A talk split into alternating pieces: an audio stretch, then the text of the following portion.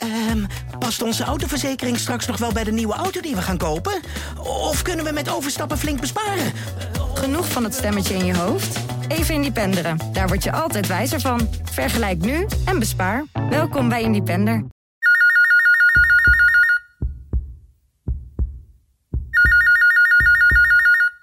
Hallo, ben Masha. Goedemorgen, Masja. Met Samandos van Longarts van het Wilminnenziekenhuis in Assen. Ik had een, eh, een terugbelverzoek gekregen. Klopt dat? Ja, dat klopt. Eh, ik heb u benaderd omdat ik helaas uitgezaaide borstkanker heb. En heel graag iets aan u zou willen voorleggen. Jongen, wat, wat, eh, wat ontzettend verdrietig voor je. Maar ja, nee, ik wil je graag helpen. Wat, wat, wat kan ik voor je doen? Ik zal het nooit vergeten. Op 3 januari 2019 werd ik gebeld door een anoniem nummer. Terwijl mijn dochter met een vriendin de keuken binnenliep. Ik nam op en herkende de stem van de oncologisch verpleegkundige. We zijn te voorbarig geweest, klonk het over de telefoonlijn. De uitslagen van de CT-scan zijn binnen en de kanker is toch uitgezaaid naar jouw botten. Even wist ik niet wat ik hoorde. Ze hadden mij toch gisteren verteld dat ik geen uitzaaiingen had? Ik kreeg geen lucht. Het voelde alsof de wereld onder mijn voeten vandaan werd getrokken. Ik keek naar mijn dochter die in gesprek was met haar vriendin. Snel liep ik naar buiten, naar een hoekje in de tuin waar zij mij niet konden zien. Daar gaat mijn leven. Daar gaat mijn toekomst, dacht ik. Hoe ga ik dit aan mijn kinderen vertellen? Leven met kanker. In Nederland hebben miljoenen mensen hier direct of indirect mee te maken. Wat is de impact van deze ziekte op een leven? Hoe houdt een mens zich staande als zijn toekomst onzeker is geworden? Mijn naam is Ramona de Hond. In deze podcast maak ik een wandeling met iemand die leeft met kanker. Tijdens die wandeling staan we stil bij het leven. Want ook al heb je kanker, er is zoveel om voor te leven.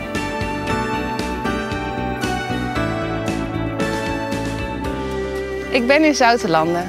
Dit is de plek waar ik met Marcia heb afgesproken om een mooie wandeling te maken. Hi Marcia. Hey Ramona. Hi, wat fijn om je te zien. Ja, leuk hè? Ja, het is echt een prachtige plek hier zeg. Ja, super hè? Ik Ja. dat het ook een van de mooiste plekken hier is. Zullen we een stukje gaan wandelen? Ja, lijkt me leuk. Leuk. Ja.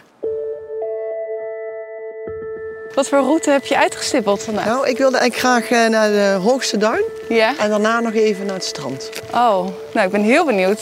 Ja. En waarom heb je gekozen voor deze plek?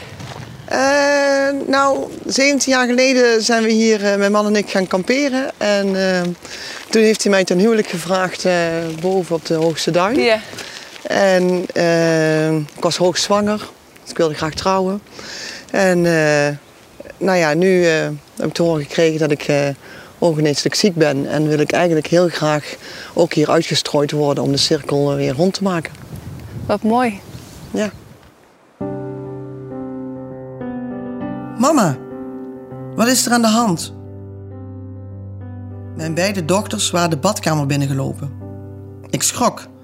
Ik wilde ze het nog helemaal niet vertellen. De een was bijna jarig en de ander had volgende week een toetsweek op school. Ik was in bad gegaan om in stilte te kunnen huilen. Ze hadden mij gehoord.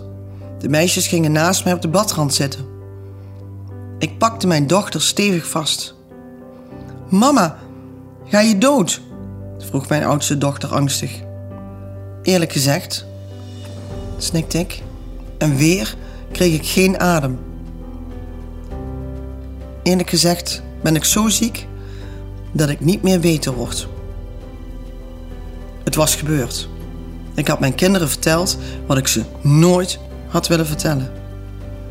Samen huilden we. Mijn man kwam binnen en sloot ons alle drie in zijn armen. We hoefden niets meer te zeggen. Kan je mij vertellen, want je bent nu al ruim twee jaar ziek, hoe je erachter bent gekomen dat je ziek was? Ja, ik eh, kom uit een eh, eh, verdachte familie. Dus ik ging elk jaar naar het ziekenhuis voor de mammografie. Ja. En in dat jaar ben ik ook februari geweest en toen was er niks aan de hand. Ehm, ik had eigenlijk heel veel last in mijn lijf, wat botpijnen, wat, ik dacht, ja, zijn het reumatische klachten, ik wist eigenlijk niet goed. Dus ik had al zoiets van, er is iets niet goed.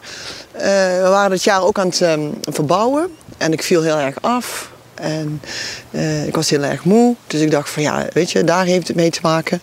Toch voelde ik in de zomer een spits puntje in mijn borst. En dat was net zo'n puntje van de ijsberg. Zo'n heel spits puntje. En ik dacht van ja, dat is niet goed. En toen heb ik mijn mammografie weer naar voren gehaald naar december. En omdat ik toch elke keer dat puntje voelde. En ja, uh, weer zei ze tegen mij, is niks aan de hand. Ga maar naar huis, het is goed. En ik had zoiets van nee, het is niet goed. En ik heb gezegd van ja, het voelt gewoon niet goed. Ik wil dat je nog even verder naar kijkt. En uh, toen zei de arts van ja, laat toch maar even een biop maken. Nou, ik daar naartoe werd een biop gemaakt. Toen in de oksel.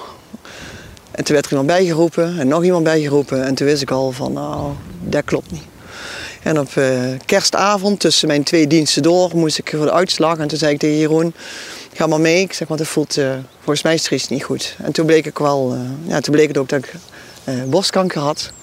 Op dat moment dacht ik nog van, ja, oké, met mij zoveel, hè, dat kan ik. We gaan het traject aan. Het zal een zwaar traject worden, maar dat kan. En toen moest ik in die week uh, allerlei uh, CT's uh, laten doen, de PET-scan.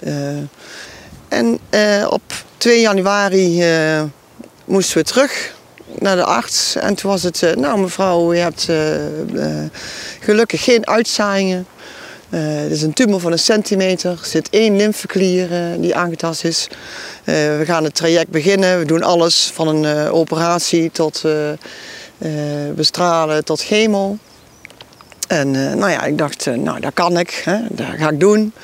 En ik stond er nogal sterk in. Ik dacht van nou. En de volgende dag werd ik gebeld. En ze zegt, ja, ja, we zijn iets te voorbarig geweest. Je hebt de CT-scan binnen en de PET-scan gaf geen uitzaaiingen aan. Dus we zijn er eigenlijk vanuit gegaan dat alles goed was.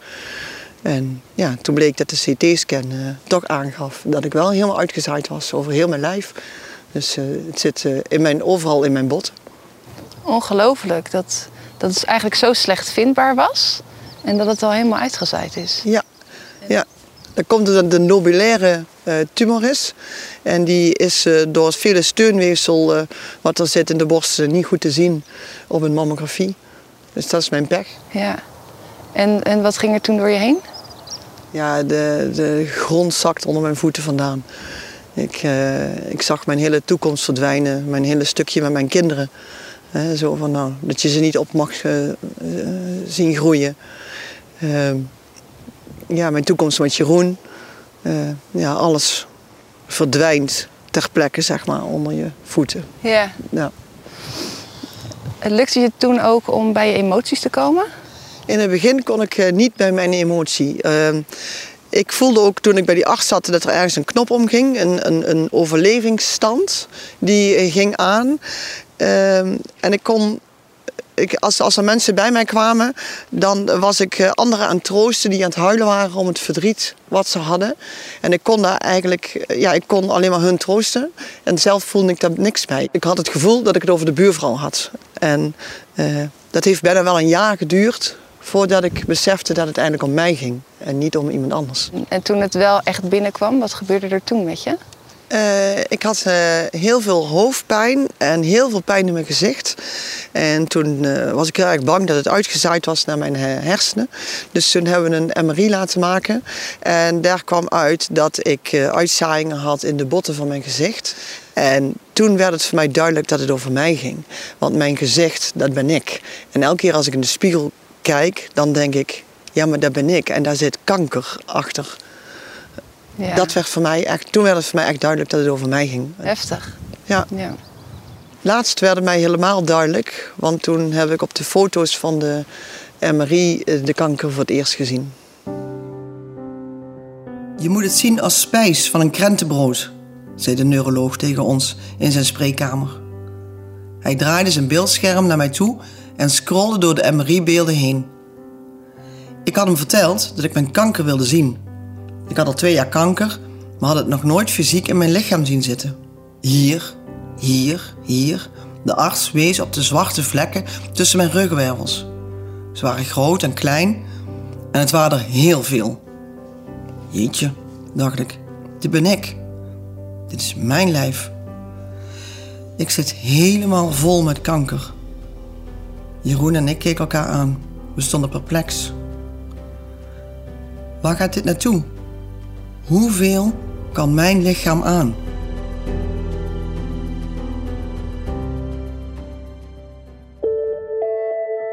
Met Sander Dosson. Hi Sander, met Ramona. Hey Ramona. Ik bel met Sander de Hosson, longarts en voorvechter van palliatieve zorg. Wat is palliatieve zorg? Ja, palliatieve zorg is, uh, is alle zorg voor patiënten die ongeneeslijk ziek zijn en hun naasten. Het gaat bij palliatieve zorg om het verlichten van uh, lichamelijk lijden, dat is heel belangrijk, hè, pijn en benauwdheid. Maar zeker ook psychische klachten die op kunnen spelen. En ook over zingeving. En de centrale vraag is: hoe zorg ik ervoor dat de kwaliteit van het leven goed blijft? Palliatieve zorg begint vaak op het moment dat de diagnose van een ongeneeslijke ziekte gesteld wordt en gaat door tot in de stervensfase. En de totale duur van palliatieve zorg kan natuurlijk jaren duren. Krijg jij hier veel mee te maken als arts? Ja, als longarts span ik uh, veel mensen met een uitgezaaide vorm van longkanker. Het gebeurt bijna dagelijks dat, uh, dat mensen in mijn praktijk te horen krijgen dat ze ongeneeslijk ziek zijn. En dan kunnen we de ziekte behandelen om, hè, zo, om deze te remmen of om klachten te voorkomen. Maar we weten dan dat die niet genezend zal zijn. En daarbij zijn dus andere dingen ook heel erg belangrijk. Patiënten willen zo lang mogelijk leven, uiteraard. Maar ze willen ook zo goed mogelijk leven. Is er altijd een palliatieve behandeling mogelijk? Ja, palliatieve zorg is altijd mogelijk. Hè. Het verbeteren van kwaliteit van leven is altijd mogelijk. En dat kan al door ondersteuning op bijvoorbeeld het gebied van zingeving. En hoe, hoe besteed je de tijd die je nog gegeven is zo zinvol mogelijk? En, en die vraag is voor iedereen anders. Iedereen heeft een andere behoefte daarbij. En soms zeggen dokters, uh, chemotherapie moeten we maar niet meer doen omdat iemand er te slecht aan toe is. En maar psychische ondersteuning, pijnmedicatie, die zijn natuurlijk altijd mogelijk. En als je niet meer naar het ziekenhuis kunt komen, heeft de huisarts de regie in de palliatieve zorg. En ik denk dat palliatieve zorg bij uitstek uh, teamwork is. Waarom ben jij voorvechter van palliatieve zorg? Nou, omdat ik denk dat er nog heel erg veel te winnen is. Hè. Van de oudsher hebben we het vooral over de behandeling van de ziekte door, door chemotherapie, hormoontherapie, et cetera. En we komen steeds verder in de vraag wat nu echt belangrijk is. En natuurlijk is dat die overleving. En maar de kwaliteit van het leven is ook belangrijk. En, en ieder mens heeft recht op de best mogelijke zorg, ook als iemand niet meer beter wordt. En dat bestaat dus niet alleen door, eh, door goed te behandelen met chemotherapie, maar zeker ook aandacht voor al die andere aspecten die het leven het leven maakt. En wordt hier genoeg gehoor aangegeven? Nou ja, ja zeker. Ja. Je, ziet, je ziet dat steeds meer dokters zeggen van hey, dit is echt belangrijk. Je ziet het kantelen.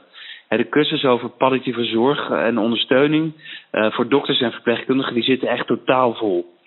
Ik, ik, denk wel dat het in de basisopleiding nog anders kan. Hè. In, in, in, die opleiding moet meer aandacht zijn voor het begeleiden van een stervende. Je moet ook kunnen, kunnen antwoorden op, op de vraag van goh, wat doen we aan mijn angsten? En ook dat kan je en moet je leren. Dokters, dokters gaan niet alleen over het geven van medicijnen. En uh, ja, daarom geef ik er veel uh, lezingen over en schrijf ik er ook veel over. Marcia en ik zetten de klim in naar het hoogste punt van het duin. We lopen over een duinpad. Rechts van ons zien we de zee. Hoe ziet jouw palliatieve behandeling er nu uit?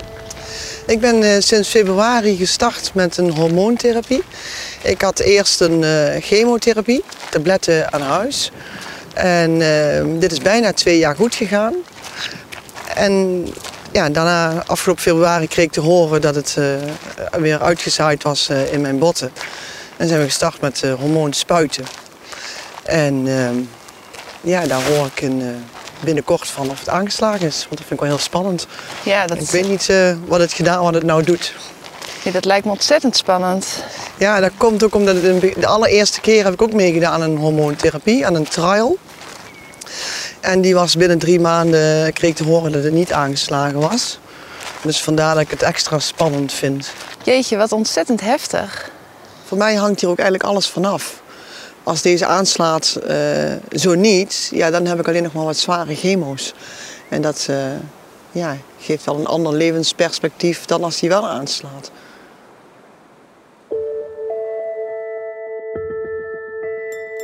Heb je een verwachting van hoe lang je nog te leven hebt? Ja, van de ene kant zou ik dat wel willen weten, maar dat zeggen ze niet. Uh, ze geven twee tot tien jaar ongeveer. Uh, in het begin dacht ik, ik ga voor de tien jaar. En toen sloeg de eerste behandeling niet aan. Uh, ja, dan ga je al twijfelen. Nou, toen de chemo wel aansloeg, toen had ik alweer zoiets van, nou, hè, ik ga ervoor.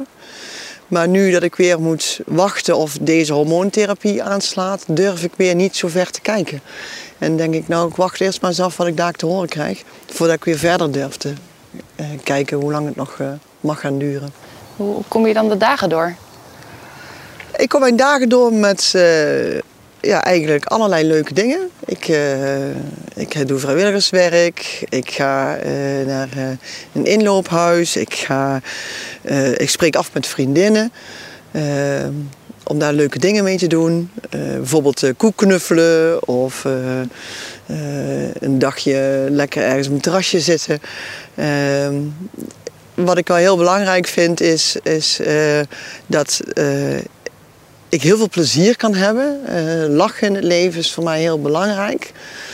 En het verdriet mag er ook zijn, zeker. Uh, en dat moet er ook af en toe zijn. En dan vind ik het ook heel belangrijk als mijn vriendinnen er voor mij zijn. En dat is gelukkig ook zo. Ik heb hele lieve vriendinnen. Uh, ik heb ook één vriendin die ik, als ik er helemaal doorheen zit, kan opbellen. En dan, zij heeft dezelfde humor als dat ik heb. En dan hebben we hele zwartgallige humor. En binnen drie minuten liggen we weer te gieren op het bed eh, van het lachen. En dan ben ik er weer doorheen getrokken. En dat vind ik fijn. Heb je ook ervaren dat palliatieve zorg meer is dan alleen de behandeling van uh, borstkanker? Dus meer dan alleen de chemo's en ja, ik heb uh, in het begin van mijn ziek zijn ben ik meteen op zoek gegaan naar een uh, rouw- en verliescoach. Vooral omdat ik uh, twee puberende dochters heb en ik het heel belangrijk vind hoe ik het beste met hun om kan gaan binnen deze situatie. daar heb ik ook heel veel van geleerd. Daarnaast ben ik op zoek gegaan naar een fysiotherapeut, speciaal voor oncologische patiënten. Ik ga lekker naar yoga. Uh, af en toe ga ik floten. Uh, ik eh, ben al bij een haptonoom geweest om heerlijk te kunnen ontspannen. Dus er is eigenlijk nog veel meer dan alleen de medicatie. En heel eerlijk gezegd zou ik het ook fijn vinden als er voor de palliatieve patiënt een soort routekaart komt waar zij kunnen zien wat er allemaal nog meer is wat, wat je verlichting kan geven binnen dit ziekteproces. Ja, dus je hebt nu eigenlijk alles zelf bij elkaar bedacht van ik wil dit en ik wil dat doen. Maar er is niet iemand die dat coördineert. Nee, dat klopt. Ik ben uh, eigenlijk zelf op zoek gegaan uh, wat er allemaal is. En uh, er is eigenlijk heel erg veel. En dat gun ik anderen ook.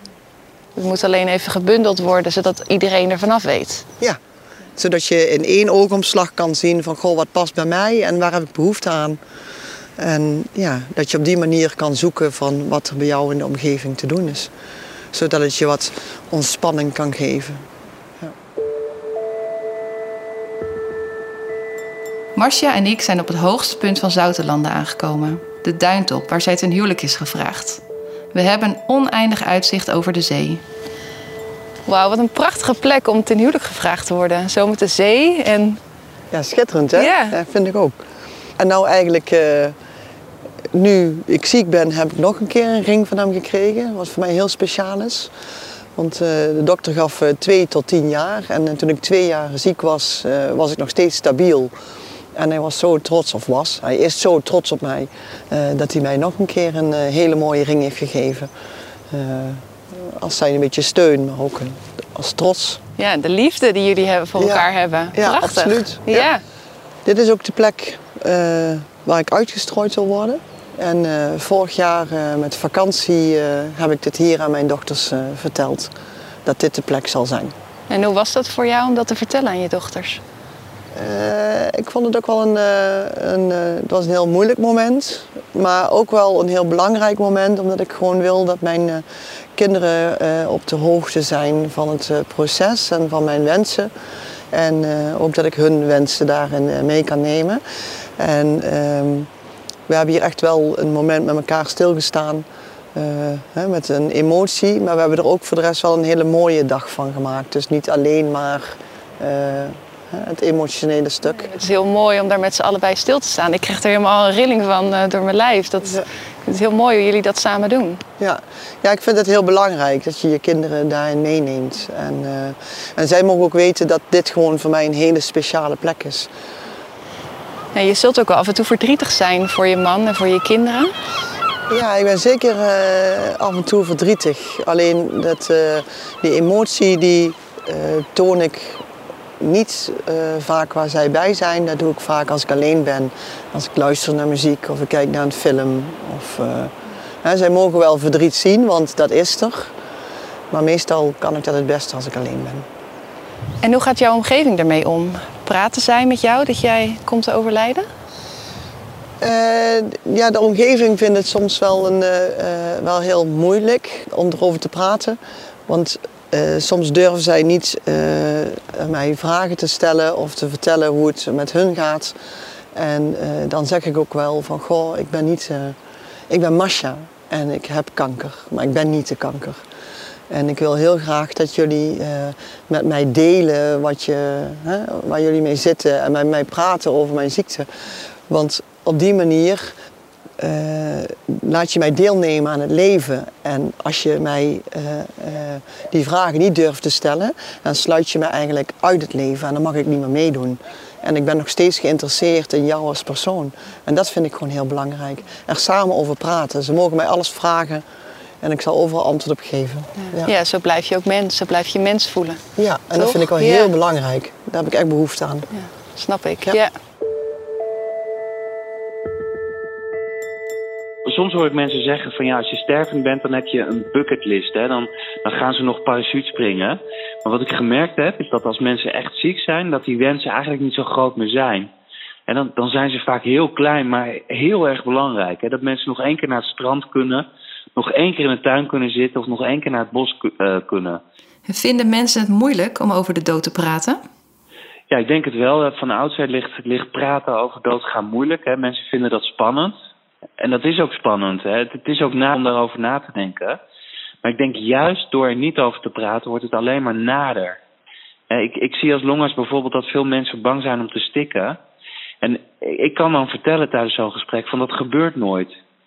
En, en dat kan enorm veel opluchting geven. Hè. Juist als mensen er niet over durven te praten, blijft het een mysterie, een angstwekkend mysterie. En door te praten kan je, kan, je, eh, hebben, kan je het hebben over de wensen en de behoeftes. En het kan zelfs zo zijn dat iemand door te praten ontdekt wat hij eh, echt belangrijk vindt. En daar kan hij dan zijn leven op inrichten en uiteindelijk goed afscheid nemen. En dat is voor hem belangrijk, maar zeker ook voor de naaste goed afscheid nemen. Hoe kunnen we meer aandacht voor de dood vragen? Nou, ik, ik denk dat de dood nog altijd een maatschappelijk eh, taboe is. En palliatief gaat in de volksmond over het allerlaatste van eh, stukje van het leven. En zo zie ik dat helemaal niet. Palliatieve zorg is veel meer dan alleen die stervensfase. En palliatieve zorg gaat erom om de kwaliteit van het leven te verbeteren, los van de behandeling in het ziekenhuis. Hè, hoe, hoe ga je om met je kinderen? Wat vertel je ze?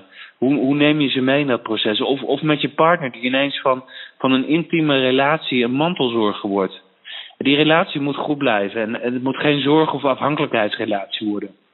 Ik vind dat we met z'n allen daarover moeten praten. En ik vind ook dat de bal voor een deel in de Tweede Kamer ligt. Want, want als het over palliatieve zorg gaat, dan gaat het vaak over voltooid leven van euthanasie. Uiteraard een belangrijke discussie. Maar ik denk dat wij als, als maatschappij nog veel meer kunnen winnen als we het over, eh, over veel meer aspecten van palliatieve zorg hebben. We zijn intussen met een lange trap het duin afgedaald en lopen op het strand. Het strand roept op tot bezinning. Wat doet het met je dat je weet dat je niet meer beter wordt? Ja, soms ben ik wel eh, boos. Eh, dan denk ik, ja, waarom treft mij dit? Want ik leef gezond en ik eet gezond. En ik ga elk jaar eh, naar het ziekenhuis om mijn eh, check te doen. En dan heb ik altijd dat ik denk, ja, hoe kan het nou? En, eh, maar ja, dat zijn vragen waar ik, ja, daar ga ik geen antwoord op krijgen. En, eh, soms maakt het mij boos en verdrietig. En het is net eh, ja, hoe je in het leven staat. Ik leef mijn leven en ik haal eruit wat ik eruit kan halen. Maar wel binnen de mogelijkheden die ik heb. Wil je nog tastbare herinneringen nalaten aan je man en je kinderen? Ja, ik wil heel veel eh, dingen nalaten. Maar ik vind het ook wel heel erg moeilijk van hoe doe ik dat. En op het moment, ehm, ik heb heel veel bedacht. Hè, dat ik uh, kaarten wil schrijven voor het moment dat ze gaan afstuderen of gaan samenwonen of trouwen of een kind krijgen. Uh, ik heb ook uh, sieraden bij elkaar gezocht en ik was al heel ver in het ontwerpen van een ring. En op het moment dat ik het wilde gaan doen, kwam ik er achter dat mijn kinderen nog helemaal niet zo ver waren. Ik heb het goud nu weggelegd en op het moment dat zij eraan toe zijn, uh, want ze zijn nog maar jong, hè? ze zijn nog maar begin puberteit. Dan uh, kunnen zij het pakken en dan kunnen zij zelf een sieraad maken. En uh, verder ja, probeer ik zoveel mogelijk dingen nou op te nemen, filmpjes op te nemen, momenten vast te leggen in een fotoboek.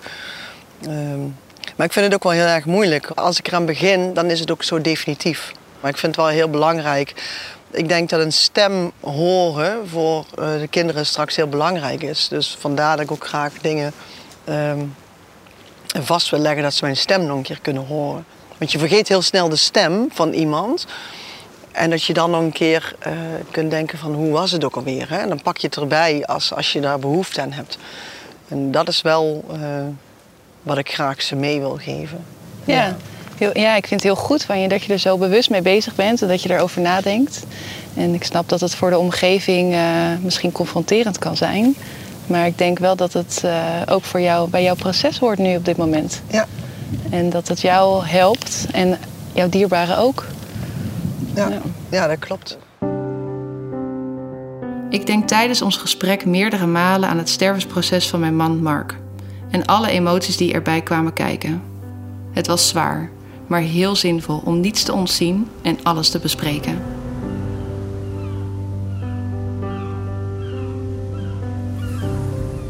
Zijn er dingen die ik uh, mee moet nemen voor mijn partner die achterblijft? Uh, moet ik ergens aan denken? Dus uh, ja, voor hem, voor de verwerking. Want ik wil eigenlijk niet alleen maar aan mijzelf denken. Ik denk dat eh, ja, het meest waardevolle wat Mark heeft achtergelaten is echt zijn onvoorwaardelijke steun en liefde. En, maar ook zijn vertrouwen in mij en in onze toekomst. Ik heb, uh, ja, we hebben heel veel gepraat samen. We hebben echt al onze angsten en twijfels besproken. En dat waren hele heftige gesprekken. Maar het heeft ons wel echt heel dicht bij elkaar gebracht. Nog dichter bij elkaar gebracht. En uh, ja, we hebben eigenlijk als het ware al gerouwd samen ook om onze toekomst. En door die mooie gesprekken uh, voelde ik na zijn overlijden eigenlijk ja, de vrijheid om te blijven genieten van het leven, maar ook om verdriet te hebben. En uh, deze twee ja, emoties gaan voor mij nu samen. En daar ben ik onwijs dankbaar dat hij dat voor mij ja, die vrijheid heeft gegeven. Dat ik dat allemaal uh, mag voelen zonder dat ik me schuldig voel. Zonder dat ik ja, schuldig voel dat ik geniet van het leven of dat ik verdriet heb. En het hoort er gewoon allebei bij. En dat heb ik echt van hem geleerd. Ja. Oh, kijk, zo even. Ja, hoe je dat vertelt, dan denk ik, jeetje. Ja. Ja, het komt goed. Hoe dan ook. ook voor jou. Uh, dan gaat het niet meer over mij, hè? Dan kan ik, uh, ja. dan kan ik er niet meer uittreden. Ja.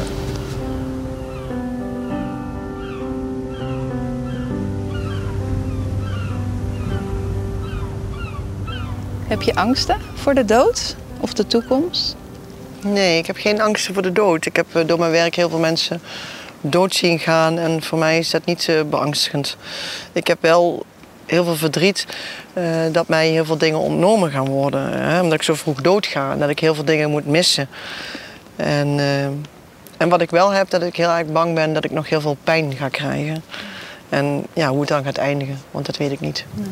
Praat je daarover met mensen of hoe ga je ermee om? Kan je dat, dat je enigszins een beetje voorbereid bent op wat er gaat komen? Um, ja, ik uh, praat er wel over met. Uh, uh, in het ziekenhuis geef ik het wel eens aan. Um, um, en met, ik heb laatst ook ben ik bij een psycholoog terechtgekomen, speciaal voor mensen met kanker. Uh, waarin ik uh, dan mijn angsten kan uh, bespreken. Maar ja, niemand gaat weten natuurlijk hoe het proces helemaal gaat verlopen. Hè? Waar de, of ik pijn ga krijgen of hoe erg die pijn is. ja, ik zal toch moeten afwachten hoe het... Ja. ja, dat is echt het meest onzekere stukje van deze hele fase. Ja, ja, En, eh, ja. dat is eh, zwaar, maar ik denk dat het belangrijk is dat, eh, dat ook de artsen weten hoe je erin staat. ja. Ik eh, durf wel alles bespreekbaar te Ja. maken. En ik denk dat je dat ook moet blijven doen. Zeker, en dat kan ook nog veranderen naar het einde toe. Ja, ik merk dat ik nu al regelmatig eh, gewisseld heb in gedachten. En eh, hè, dat je... Ondertussen ben ik ook bij een pijnpolie terechtgekomen. En eh, daar kun je goed eh, hè, praten over wat voor middelen zij hebben. En eh, zij kunnen heel goed met je meedenken. Ja. Ja. En he- heb je nu ook veel pijn? Ik begin wel steeds meer pijn te krijgen. Ja, in mijn botten. Ja. En heb je nog een laatste wens? Wil je daar iets over vertellen? Ja, ik, eh, ik heb geen bucketlist. Want eh, ja, weet je, normaal eh, zou ik ook niet gaan parachute springen. Dus waarom zou ik dat dan nou wel gaan doen? Ik maak mijn bucketlist ter plekke. Ik doe leuke momenten met vriendinnen. dierbare momenten met, met mijn kinderen en met Jeroen. En ja, dat is eigenlijk wat ik leuk vind. Ik maak gewoon dat wat er op mijn pad komt. Dat komt op mijn pad en daar maak ik iets moois van. Weet je, ik kan nu nog alles doen wat ik wil. Zolang als ik dat kan, blijf ik gewoon die dingen doen. En, eh, en mijn allerlaatste wens, die is er nog niet. Want ik ben nog niet zo ver. Dus eh, nu doe ik gewoon nog de dingen die op mijn pad komen.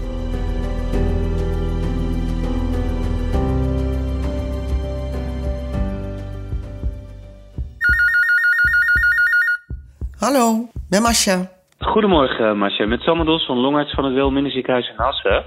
Ik had een, eh, een terugbelverzoek gekregen. Klopt dat? Ja, dat klopt. Eh, ik heb u benaderd omdat ik helaas uitgezaaide borstkanker heb. En heel graag iets aan u zou willen voorleggen. Jongen, wat, wat, eh, wat ontzettend verdrietig voor je. Maar eh, ja, nee, ik wil je graag helpen. Wat, wat, wat kan ik voor je doen? Ik zou zo graag willen dat er een routekaart voor de palliatieve zorg was. Zodat mensen kunnen zien wat er allemaal voor palliatieve zorg beschikbaar is per regio. Ja, ik, ik, ik ben het echt helemaal met je eens, Marcia. En ik, ik vind dat er zeker verbetering nodig is. Oh, ik, ik vind het echt een heel goed idee. Ik doe, eh, we gaan dit zeker opstarten. Oh, dat vind ik heel fijn. In deze podcast maken we elke aflevering een wandeling met iemand die leeft met kanker. Wil jij meer weten? Ga naar kwf.nl. KWF. Tegen kanker voor het leven.